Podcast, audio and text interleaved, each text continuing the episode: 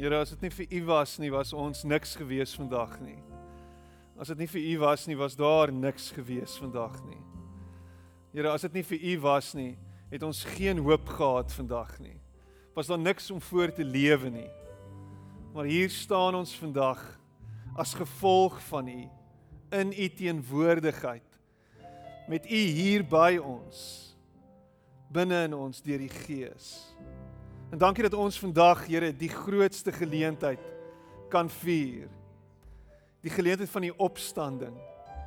Die geleentheid waar Here U die dood finaal oorwin het. En letterlik vir hom tong uitgesteek het en gesê het, "So wat nou? Wat nou? Jy het gedink jy kan dit doen, maar jy kan niks doen nie." Want die dood het geen hou vas oor U nie en as gevolg daarvan dat daar geen meer hou vas oor U is nie. Here, is daar geen hou vas op ons nie. Is daar juis vir ons lewe vandag? Is daar juis vir ons hoop vandag? Here, ons vrees niks nie. Ons is bang vir niks nie. Here, ons kyk net na U en ons weet ons beskerming en ons alles kom van U af. Maar is U ook? U is ons alles. U is ons koning. En ons loof U vandag want U is waardig om geloof en geprys te word.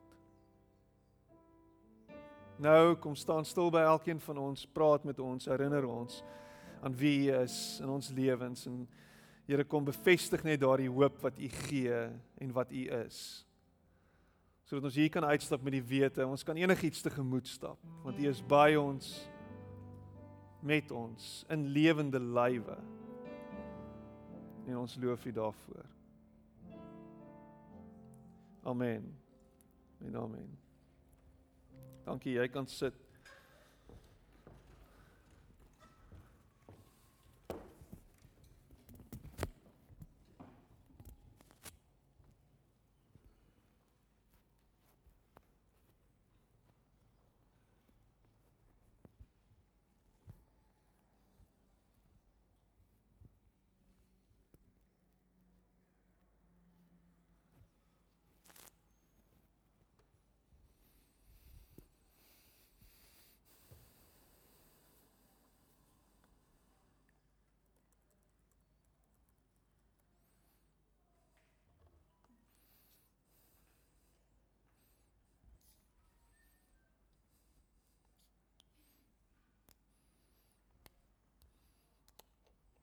Lekker om julle te sien vanoggend. Baie welkom.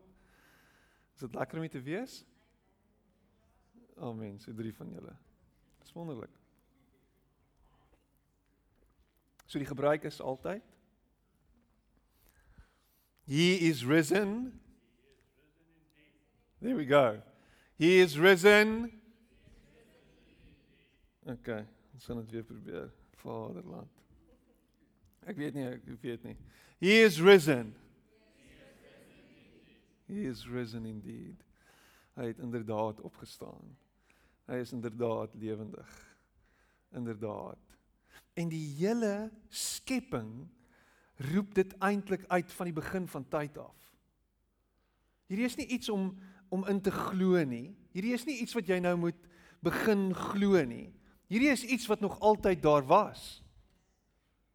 Ek meen van die begin van tyd af was opstanding wat vooraf gegaan is deur dood net 'n normale gang van die lewe. Dis net iets wat wat eintlik net daar is vir ons om van kennis te neem. Dis nou die oorgang van die seisoen. Weet jy dit? Dis nou herfs. Ons is amper op pad winter toe. Ons is dan na winter, wat kom dan? Lente. Jy het gisteraand gaan slaap in die donker, jy het vanoggend opgestaan in die lig. Duisternis en lig. O, oh, dit is die skepping getuig nog altyd van dood en opstanding. En of jy dit nou wil glo of nie, vir God om te wys wie hy is, was dit net 'n normale stap gewees om te kom en te sê hier is ek, ek gaan dood, ek staan op. En in dit trek hy die angel van die dood. In dit trek hy juis alle vrees uit. Absorbeer hy dit juis. En vir een of ander rede is ons so vasgevang in in dit wat hier rondom ons aangaan, alles wat ons sien en Christus is vir ons so eintlik 'n afwesige figuur, 'n iewers anders dat ons vasgevang en verstrengel raak in ons vrees en in ons angs in die hier en die nou. Want dit wat ons sien en dit wat ons aan kan vat is vir ons 'n groter werklikheid as die Christus. Die een deur wie alles tot stand gekom het. Ek ek maak 'n groot stelling en ek maak 'n sweeping statement. Maar die disippels wat 3 jaar lank saam met Jesus was, elke oomblik van elke dag hom gesien het.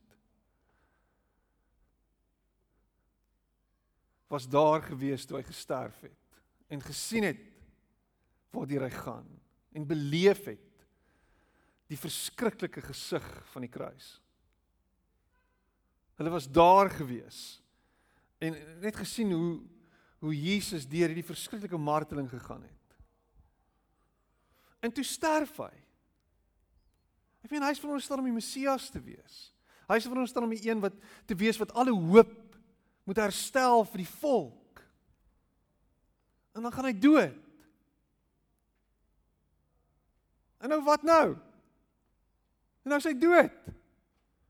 Die een wat ons gevolg het, die een vir wie ons ons lewens gegee het, die een vir wie ons ons visnette en en elke liewe ander vacation wat ons aangehang het neergelê het en nou stap ons agter hom aan. Ons het ons hele lewe op hom gesit, soos by die casino.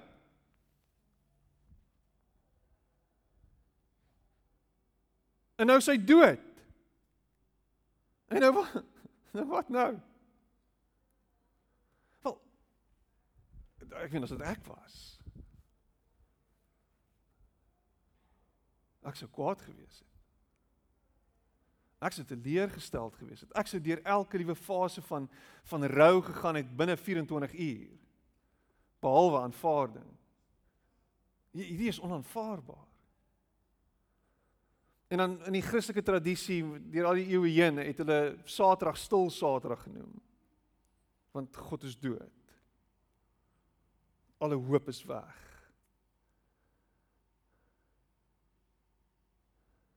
En ons gaan nou gaan ons bietjie stil staan rondom die woord, ons gaan 'n bietjie lees, maar na die storie wat ek lees, is die disippels bymekaar en hulle sit binne in 'n huis met toe deure en alles is toe en alles is gesluit agter slot en grendel. Want hulle kruip weg want uh, dis sekerlik hulle lot ook as as as Jesus wat wat wat die beroerder was wat wat allerlei 'n drama veroorsaak het in die week wat oploop tot Paasfees, Paasnaweek dan. Um gaan hulle definitief hulle gaan sekerlik vir sy sy volgelinge ook soek. Petrus het klaar ontken, hy ken hom. En hulle kruip weg en hulle is bang. En dan kom Jesus en stap letterlik in by 'n geslote kamer, by 'n geslote vertrek, by 'n geslote huis en sê vir hulle wat sê hy vir hulle? Vrede vir julle. Vrede vir julle. Want die verreëse heiland, die verreëse Jesus, die opgestane een bring vrede wat alle verstand te bowe gaan. En dis die vrede wat ek en jy nodig het in 'n tyd soos nou. Dis die vrede wat tot ons beskikking is in 'n tyd soos nou. Dis die vrede wat jy eintlik deel van jou moet hê in hierdie oomblik. Dis wat die opgestane Jesus vir ons gee is vrede.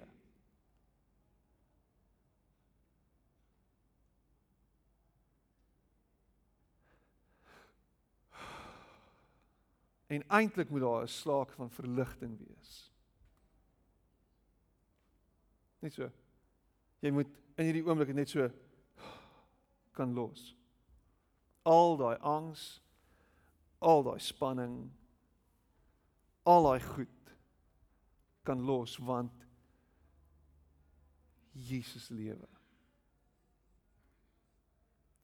Dis waar ons hoop is. Die kruis moes gebeur sodat hy kon opstaan. Sodat hy kon wys wie hy is. Ek weet die die die, die kruis sou net 'n teorie gebly het en ons het nou die dag daaroor gepraat. Vrydag het ek gepraat, daar's 'n klomp teorieë oor hoekom die kruis moes plaasvind. En baie teoloë teoloë is verstrengel in 'n dooie Jesus. Wat het die kruis kom doen? Wat het die kruis vir ons beteken? Wat beteken die kruis vir ons? Wat is dit en hoe wat wat se metafoor en wat se oulike goedjies kan ons hier uitvat en wat se uh, tidbits en nibbly bits en goedjies en nuggets and it's beautiful en so aan. Pragtige mitologie as hy dood gebly het. Maar hy is nie dood nie. Hy het opgestaan. Hy lewe. So omdat hy lewe is daar nou vrede.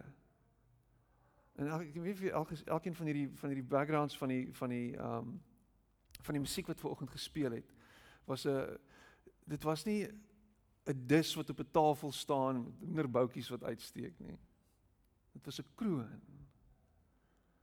En die kroon beteken dat hy was dit snaaks. Die kroon beteken dat hy die heerser is, die koning is. Romeine 1:4 sê Jesus Christ declared to be the son of God by resurrection from the dead. Omdat hy opgestaan het, omdat hy opgewek is, word hy verklaar die seun van God, die een wat heers en regeer. So in die tuin, kom ons lees. Ons lees hier in Johannes 20 en jy's welkom om saam met my te blaai. Johannes 20 vers 1 tot 6 en ek lees uit die boodskap uit. Hy sê daardie Sondagmôre was die son nog nie eens op nie. En ons was ver oggend was ons uh, op Tygerberg koppie gewees voordat die son opgekom het. En ehm um, dit was pragtig. Ons kon letterlik niks sien nie. Dit was mistig.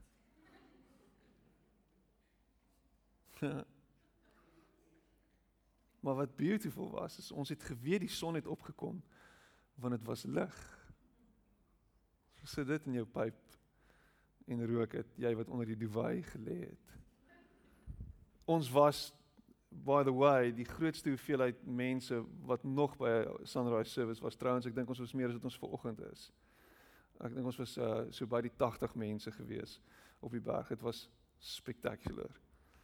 Hy sê daardie Sondagmôre was die son nog nie eens op nie, toe was Maria Magdalena al by die graf. En sy het dadelik gesien dat iemand die groot klip voor die ingang van die graf weggerol het. Kan ek net gou dit sê? Die klip is nie weggerol sodat Jesus kon uitkom nie.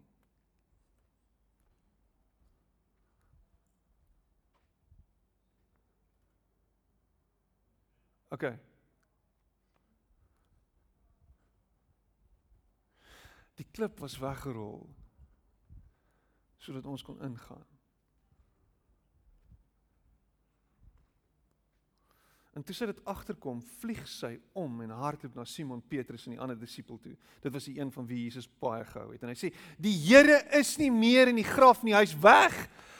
Hy gesê: "Ek weet nie waar jy hom gevat het nie." En Petrus storm toe saam met die ander disipel uit die huis uit. Jy kan nie 'n ander woord as storm gebruik as jy met Petrus te doen het nie. Hulle sit dadelik af graf toe. Die ander disipel het vir Petrus weggehardloop en eerste by die graf gekom. Hy steek toe by die ingang vas en loer by die graf in en net die linne het daar eenkant gelê. En toe Petrus daar aankom, bars hy sommer by die graf in. Hy storm en hy bars. Hy het ook net die linne daar sien lê en 'n spesiale lap wat hulle op Jesus se gesig gesit het het nie by die ander linne gelê nie. Dit het eenkant alleen gelê, mooi opgevou. En die ander disipel wat eerste daar was, het nou ook sy moed bymekaar geskraap en in die graf ingegaan. En daar het hy al die linne sien lê. Dit het hom oortuig dat Jesus regtig is wie hy gesê het hy is. En tot in daardie stadium het hulle nog nie verstaan wat die skrif daarmee bedoel het dat Jesus moes sterf en weer uit die dood moes opstaan nie. Daarna is die twee daar weg, elkeen na sy eie huis toe. Hierdie is hierdie is interessant. En hulle sê dit spesifiek om om ons iets te sê daarvan, iets te verduidelik. Hulle is elkeen na hulle eie huis toe. Wat doen ons as ons iets vier? Wat doen jy as jy iets vier? Ek meen is nou COVID, ons doen dit nou nie meer so baie nie, nê? Nee? Maar jy hou 'n partytjie. En wat doen jy as jy iets vier in 'n partytjie? Jy nooi mense. Jy kom by mekaar. Jy kuier saam. Jy vier dit. Hierdie in myns en siens was dit 'n geleentheid om te vier. Hierdie was 'n massive ding veral in die lig gesien van die feit dat Johannes nou net sê dat omdat hy gesien het die graf is leeg het hy nou regtig geglo dat hy is wie hy sê hy is. Maar wat gebeur? Gaan elkeen na hulle eie huis toe. Nee nee nee nee. Okay, cheers, check jou later hoor.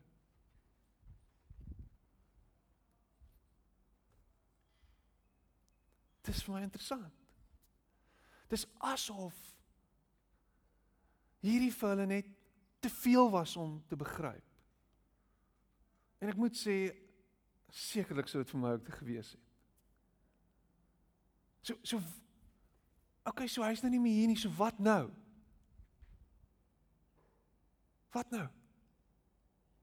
En as ons vir die res van ons lewe net geworstel het met die wat nou. So hy's nou nie meer hier nie, hy's so wat nou?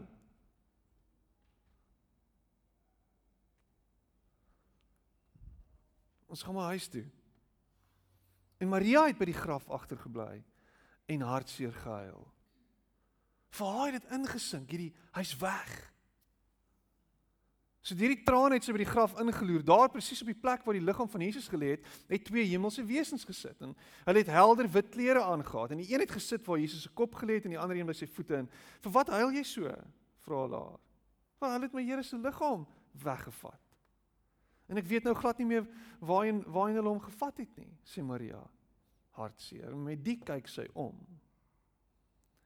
En daar sien sy iemand staan. Dit was Jesus, maar sy het hom glad nie herken nie. Jesus vra haar toe: "Waarom huil jy so? Vir wie soek jy?" Maria het gedog dis die man wat in die tuin werk. En hierdie is hierdie is significant en ons staan bietjie stil by dit vandag. Maria het gedink dis die tuinier. Was dit 'n toevallige opmerking geweest of was dit 'n soos Brian Zahn sê 'n profetiese stelling? Asseblief meneer, smeek Maria. As jy hom uit die graf gevat het, sê my tog waar sy lijk nou is. Ek sal dit vat en verder daarna kyk. Maria sê Jesus. En sy swaai vinnig om, "Rabbi," roep sy in Hebreëus uit. Die naam verwys na iemand wat mense leer. En sy sien hom.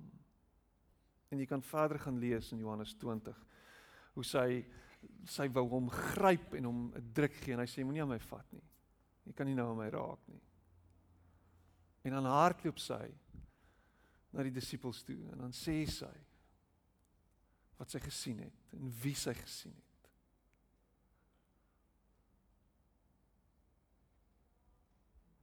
Die tuinier. Die tuin. Jesus word begrawe in 'n tuin. Jesus staan op in die tuin en hy word misgis vir die tuinier. Die tuin. Was daar nog 'n tuin in die Bybel? Hæ? Daar was nog 'n tuin in die Bybel. Maar vroeg in die Bybel, nê. Nee. Daar was nog 'n tuin in die Bybel. Daar was nog 'n tuinier in die Bybel gewees en die eerste tuinier se naam was Adam. En die eerste tuinier het saam met God gestap in die tuin en was 'n vriend van God gewees. En hierdie vriend van God het die diere name gegee en kon 'n klomp goed doen, was 'n rentmeester, het daai tuin bewerk het. Daarso homself bevind en toe maak hy droog. En waar ons veronderstel om veronderstel was om te wees tot in alle ewigheid skielik ons nie meer beskore nie.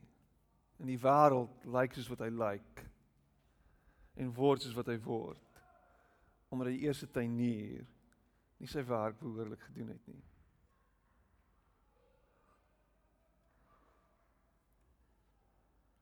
Luister wat sê die die teoloog Chesterton. Hy sê on the third day the friends of Christ coming at daybreak to the place found the grave empty and the stone rolled away.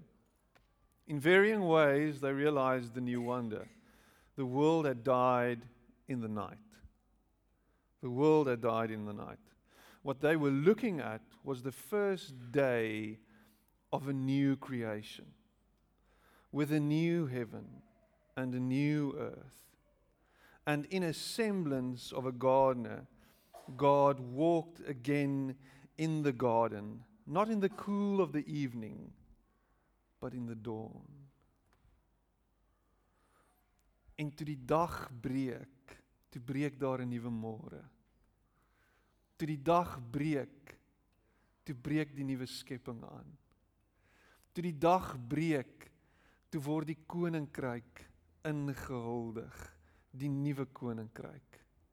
Die koninkryk van die hemel. En ons word in daai oomblik in dit ingenooi.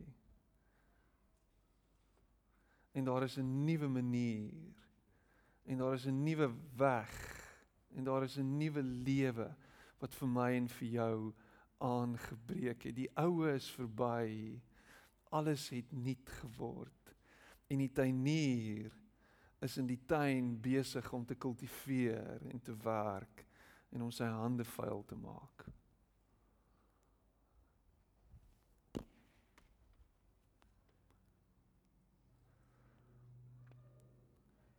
Net 'n paar weke, dae, maande voor dit sê Jesus die volgende. Hy sê in Johannes 12, hy sê unless a seed falls into the ground and dies, it remains alone, but if it dies, it bears much fruit.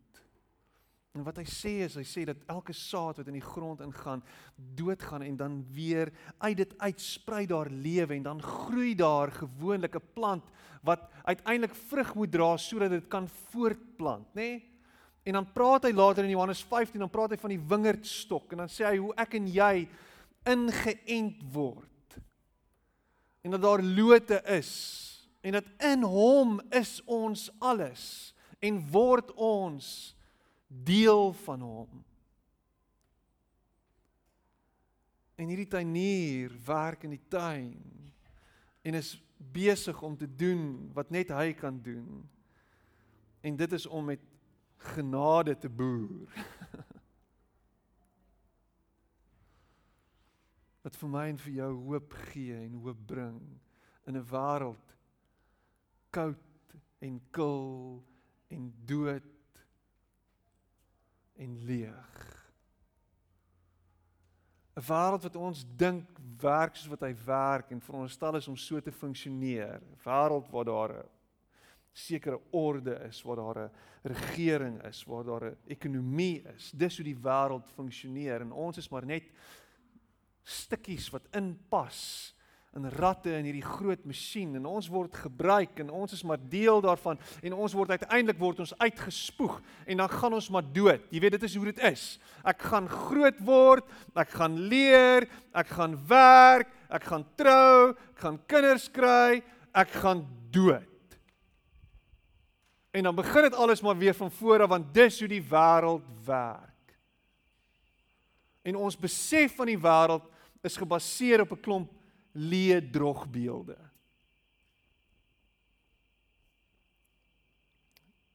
Maar Jesus, en hier kom Romeine 1 vers 4 weer in. Jesus Christ declared to be the son of God by resurrection from the dead. En as Jesus Christus die seun van God is, as Jesus Christus God self is, as Jesus Christus die heerser is oor alles, die triomfantelike een, as dit is wie hy is, dan is ons deel van hierdie koninkryk van hom, dan is ons in hierdie koninkryk, hierdie koninkryk wat deur alles gaan bly staan, wat anders is, wat 'n alternatiewe koninkryk is as hierdie wêreld en dat in hierdie koninkryk werk dinge anders. Is daar ander beginsels wat heers?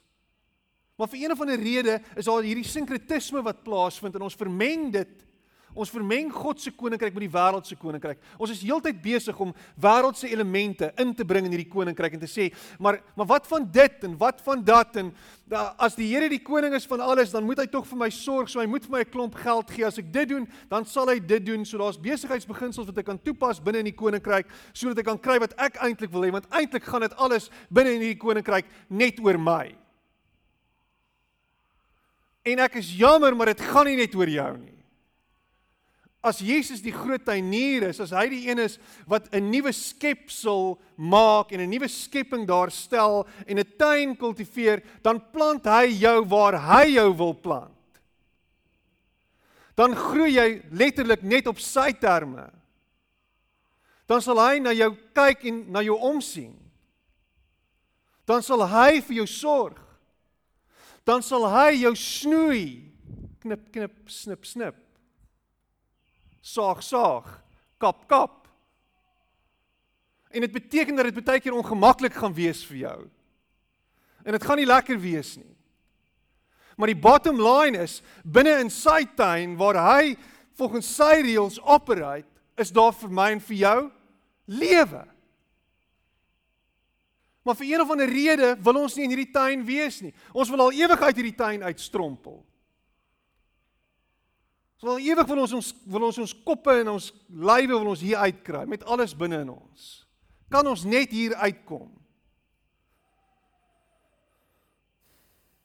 En Brian Zant sê dit en ek weet ek is jy het nou Vrydag het jy ook baie van hom gehoor maar ek kan nou nie ophou oor hom praat en van hom praat nie. Hy sê hierdie aanhaling, hy sê with Christ as the gardener of new creation, we have a hopeful eschatology with Christ as the gardener of this new creation.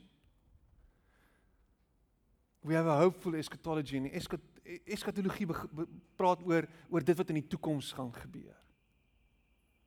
En daar's baie mense wat hulle self as eschatologists uitgee en alwaaroor hulle kan praat is oor death and destruction.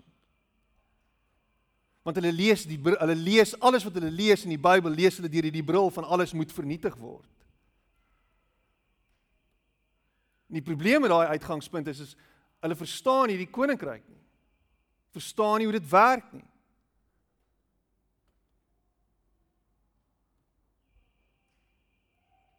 In die koninkryk van God kom hy om alles nuut te maak. Spring daar en sprei daar lewe voort uit dit wat dood is.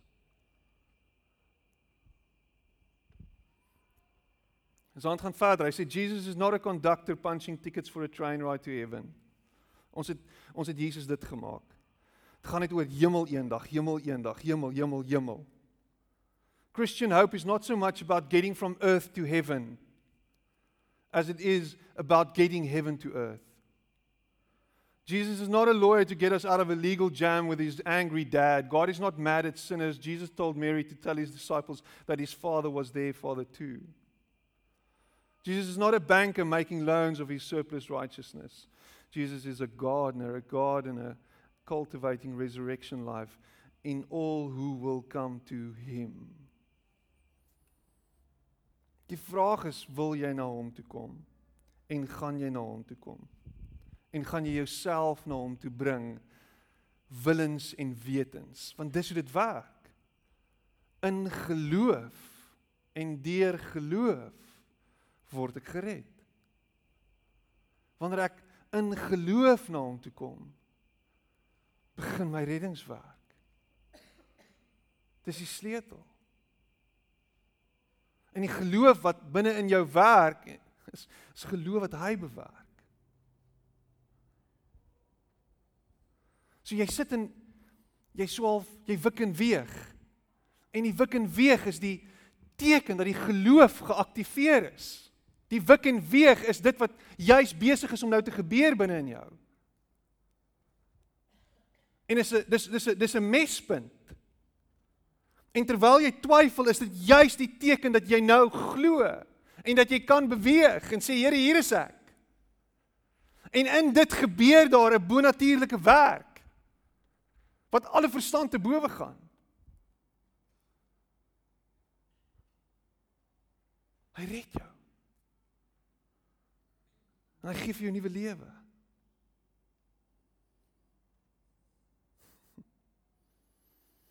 Daar is nog geen twyfel en hierdie is 'n redelike lang stuk 1 1 1 Korintiërs 15. Daar is nog geen twyfel oor die boodskap nie. Jesus was dood en is weer lewendig gemaak. Volgens Paulus is daar geen twyfel nie. Daar's nul twyfel.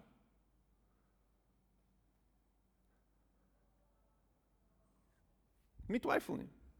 Daar's geen twyfel nie. Die boodskap is Jesus was dood en is weer lewendig gemaak. Hoe is dit dan nog moontlik dat party van julle kan twyfel en sê dat God die mens, nie mense wat dood is lewendig sal maak nie? Nou moet jy jy moet verstaan. Jy kan dit letterlik lees of jy kan dit deur 'n ander bril lees. Jy kan dit letterlik en figuurlik lees. Jy kan dit net figuurlik lees. Maar Paulus praat in sy ongelooflike teologiese brein en met dit praat hy oor elke liewe faset van lewendig en dood wees. Jy kan twyfel en sê dat God nie mense wat dood is lewendig sal maak nie. As God nie iemand wat dood is lewendig kan maak nie, sou sy ons ook nie vir Jesus lewendig kon maak nie. As dit darm waar sou wees, beteken dit dat alles wat ons vir julle vertel het net 'n klomp leuns is en dat julle in net mooi niks glo wanneer jy sê jy glo in Christus nie. Hier is die bottom line. As Jesus nie uit die dood uit opgestaan het nie, waarmee is ons besig? Wat is hierdie? Wat is dit? Wat is dit? Ons geen sin in dit nie. Dan moet ons definitief mense wees wat rarig verby vlak is. Trouwens, dan moet ons wat hier voor staan, weet nie wat ons is nie.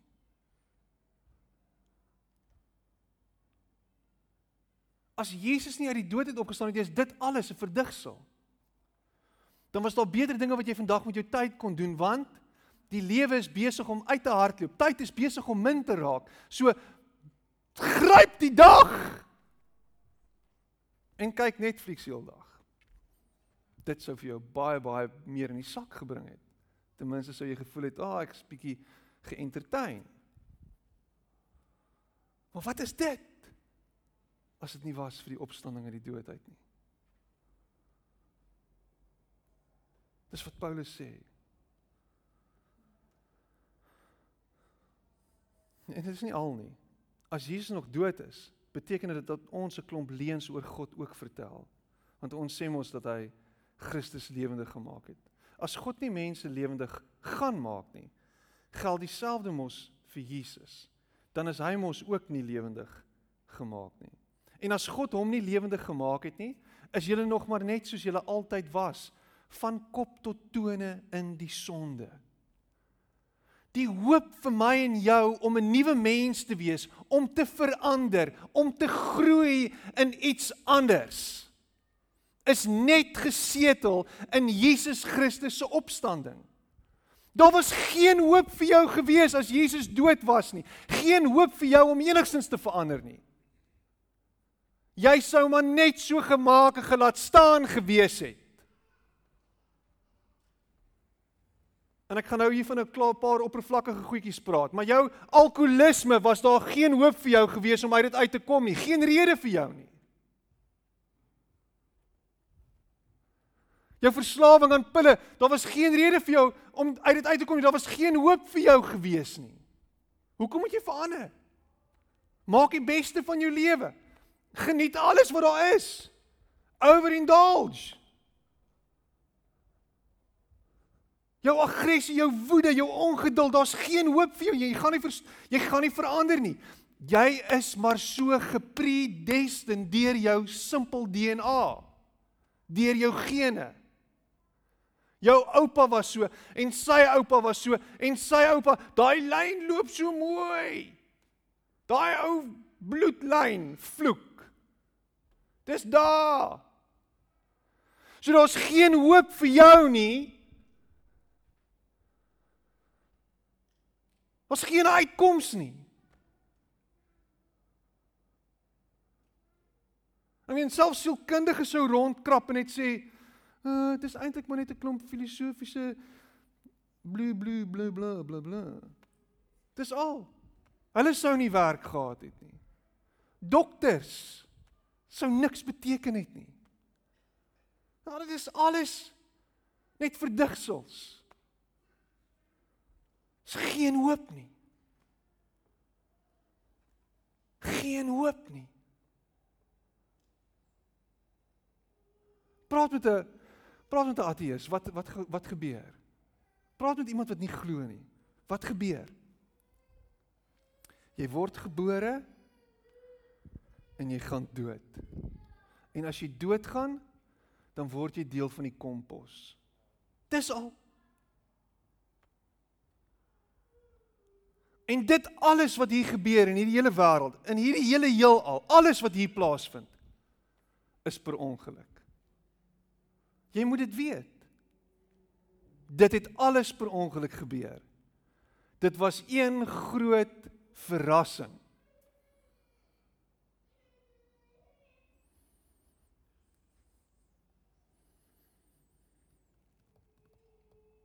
Dan help dit net niks meer dat jy sê jy glo nie. Dan is nie net ons nie, maar ook al die ander Christene wat al dood is sonder enige hoop totaal verlore. As Christendom net iets beteken terwyl ons nog op hierdie aarde is en daar vir ons niks meer oor is daarna nie, is ons 'n hopelose spul mense vir wie ander net baie jammer kan voel. Sies tog, daar gaan 'n Christen. Die waarheid is heeltemal anders.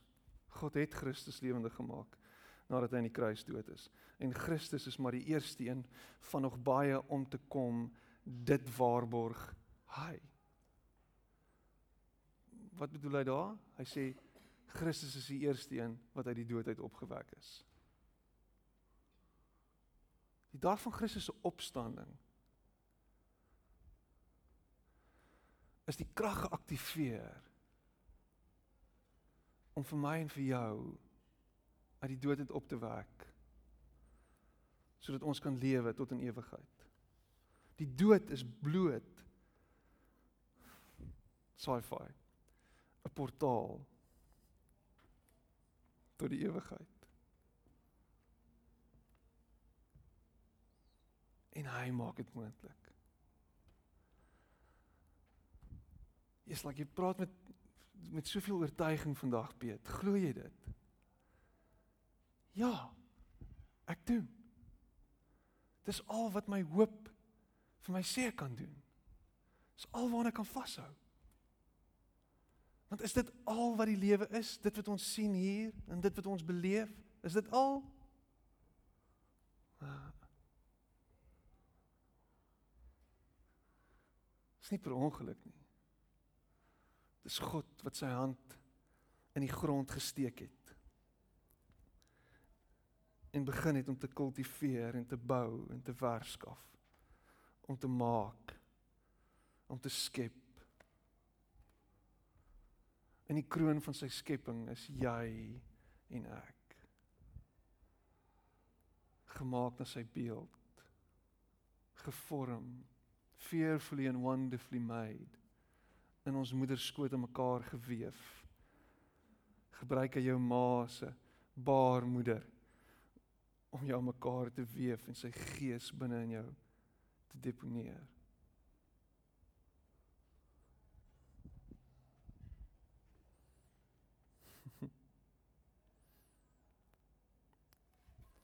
Kom ons maak die mens.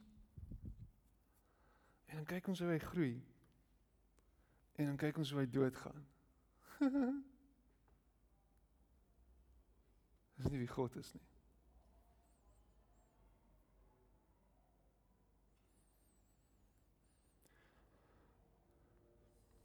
In Korintiërs 15 vers 53, dis nie op die bord nie. Hy sê hierdie verganklike liggaam moet met die onverganklike bekleë word en hierdie sterflike liggaam met die onsterflike vir ons om tot in ewigheid te lewe.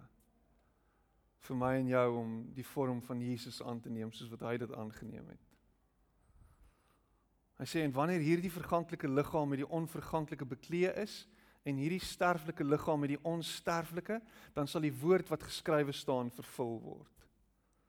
Die dood is vernietig. Die oorwinning is behaal. Dood, waar is jou oorwinning? Dood, waar is jou angel? Die angel van die dood is die sonde. En die sonde kry sy krag uit die wet van God. Maar ons dank God dat hy aan ons die oorwinning gee deur ons Here Jesus Christus. Die oorwinning is behaal. Die dood se angel is getrek. Die dood is dood sodat ek en jy kan lewe. En dit alles het begin op 'n Vrydag En op die Sondag op die derde dag het hy homself kom wys. Christus Victor, die oorwinnaar. Die groot oorwinnaar. Die een wat heers oor lewe en dood. Dis die een aan wie ons vashou vandag. Dis die een aan wie ons ons lewe toe vertrou in die tuin Dis die een wat ons toelaat om met ons te werk en ons te skaaf en te skuur. Dis die een op wie jy kan vertrou. Dis die een op wie jy jou hele lewe kan bou. Dis die een vir wie jy jou besigheid kan gee. Dis die een vir wie jy jou huwelik kan gee. Dis die een vir wie jy jou verhouding met jou kinders kan gee. Dis die een vir wie jy jou lewensmaat gee. Dis die een vir wie jy jou ma en jou pa gee. Dis die een vir wie jy jouself, jou hart te gee, al jou vrees, gee. Al jou al jou vrae gee, al jou twyfel gee. Al jou pyn gee, al jou lyding gee. Dis daai een. Dan weet jy jy kom met al daai goed. En jy sê hier is ek, Here. Ek weet nie. Maar ek weet U weet. En dan kom hy en hy vat jou en hy omarm jou en hy sê Tanya Hy sê Marita. Hy sê Marlies. Hy sê Freddy. Hy sê Quentin. Hy sê Alicia. Hy sê Pieter. Hy sê Martin.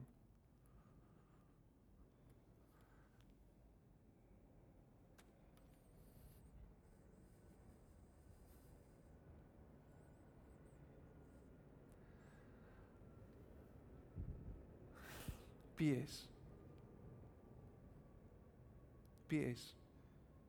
Nie BS nie, PS. PS. Jy is nie jy is nie wat jou ma gesê het jy is nie. Jy is nie wat jou pa vir jou gesê het jy is nie. Jy is nie wat jou onderwyser vir jou gesê het jy is nie.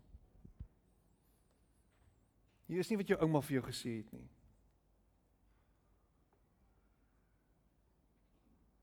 Jy is nie. Dis nie wie jy is nie.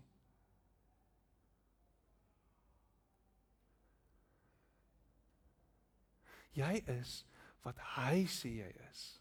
Oh, wat 'n klise is dit. Hy is jy is wat hy sê jy is.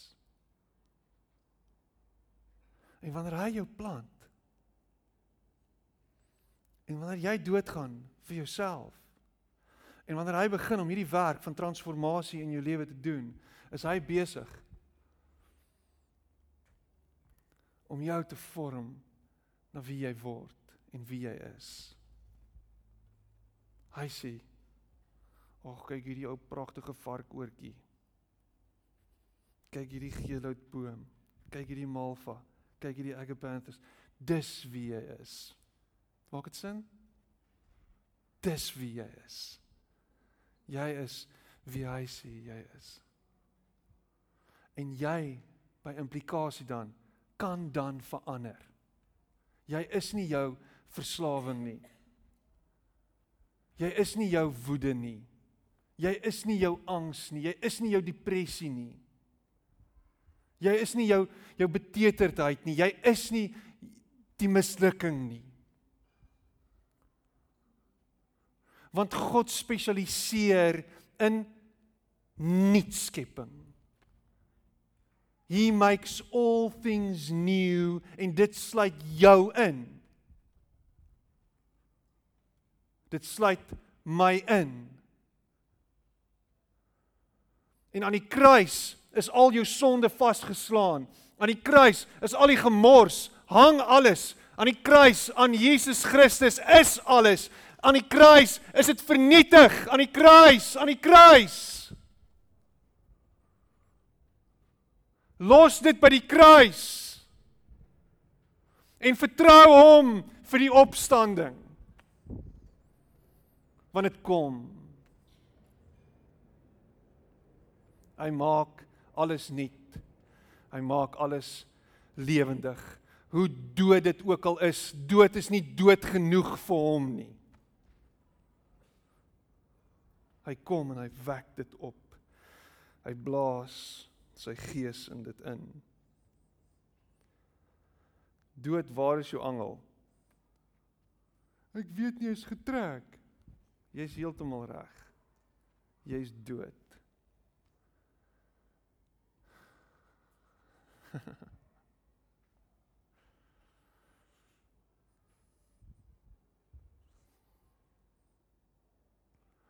Jy is nie te ver gaan nie. Jy is nie te dood nie. Jou verhouding is nie te dood nie. Jou besigheid is nie te dood nie. Niks is te dood vir hom nie. Hy kan enigiets opwek. En as dit dood is, so dood dat daar niks meer lewe in daai dood is nie, dan maak hy nuwe lewe. Want dieselfde krag wat hom uit die dood uit opgewek het, is dieselfde krag wat in jou en in my werksaam is. En in ons lewens sigbaar word. En dis alles net genade waarmee hy boer. Kom ons bid. He is risen.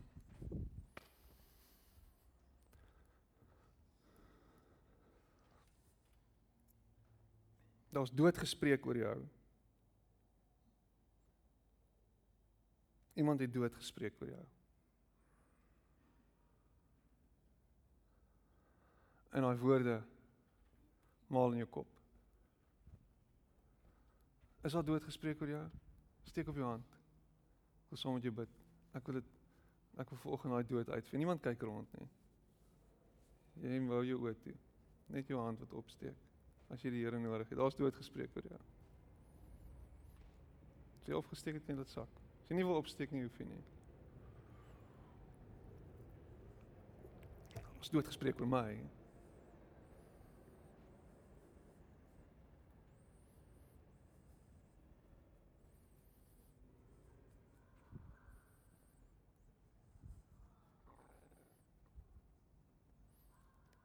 Here in hierdie oomblik wil ek vir U dankie sê dat daai dood wat gespreek is oor elkeen van ons dat daai dood dood is.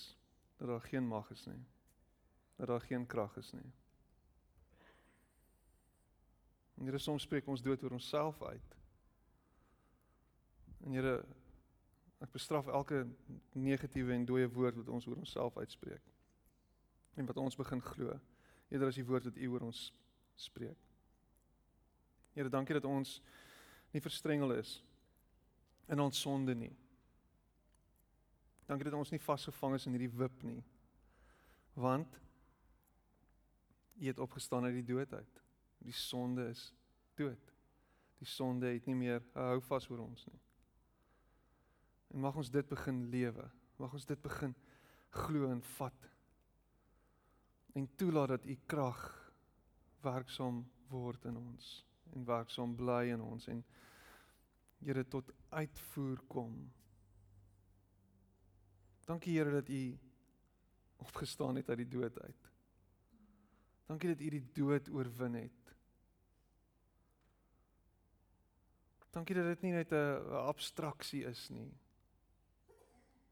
Dankie dat dit nie net iets is wat wat net in die lug hang en een van 'n teorie is nie. Een van 'n mite is nie. Maar dankie Here dat U die een is wat letterlik uit die dood uit opgestaan het en omdat U dit letterlik gedoen het vir ons vandag letterlik hoop kan gee. Ons hou vas aan hierdie hoop wat U vir ons bring. Ons hou vas aan hierdie wete dat u nie in 'n graf lê nie. En dat daar vir ons uitkoms is, maak nie saak waartoe ons gaan nie. As gevolg van dit wat u gedoen het. Dankie dat ons kan verander, dat ons kan groei, dat ons nuut kan word. Dat ons oor kan begin. Dat daar nog 'n kans is en nog en nog en nog 'n kans is. Dankie dat U die groot tuinier boer met genade. En dankie dat U nuut maak. Alles nuut maak. En in U koninkryk Here dat daar ander reëls geld. Help ons om in hierdie tuin te bly sodat U kan maak en doen met ons net wat U wil sodat ons kan word wat U wil hê ons moet word sodat ons kan wees wat U wil hê ons moet wees. En ek bid dit in Jesus naam. Amen. En amen.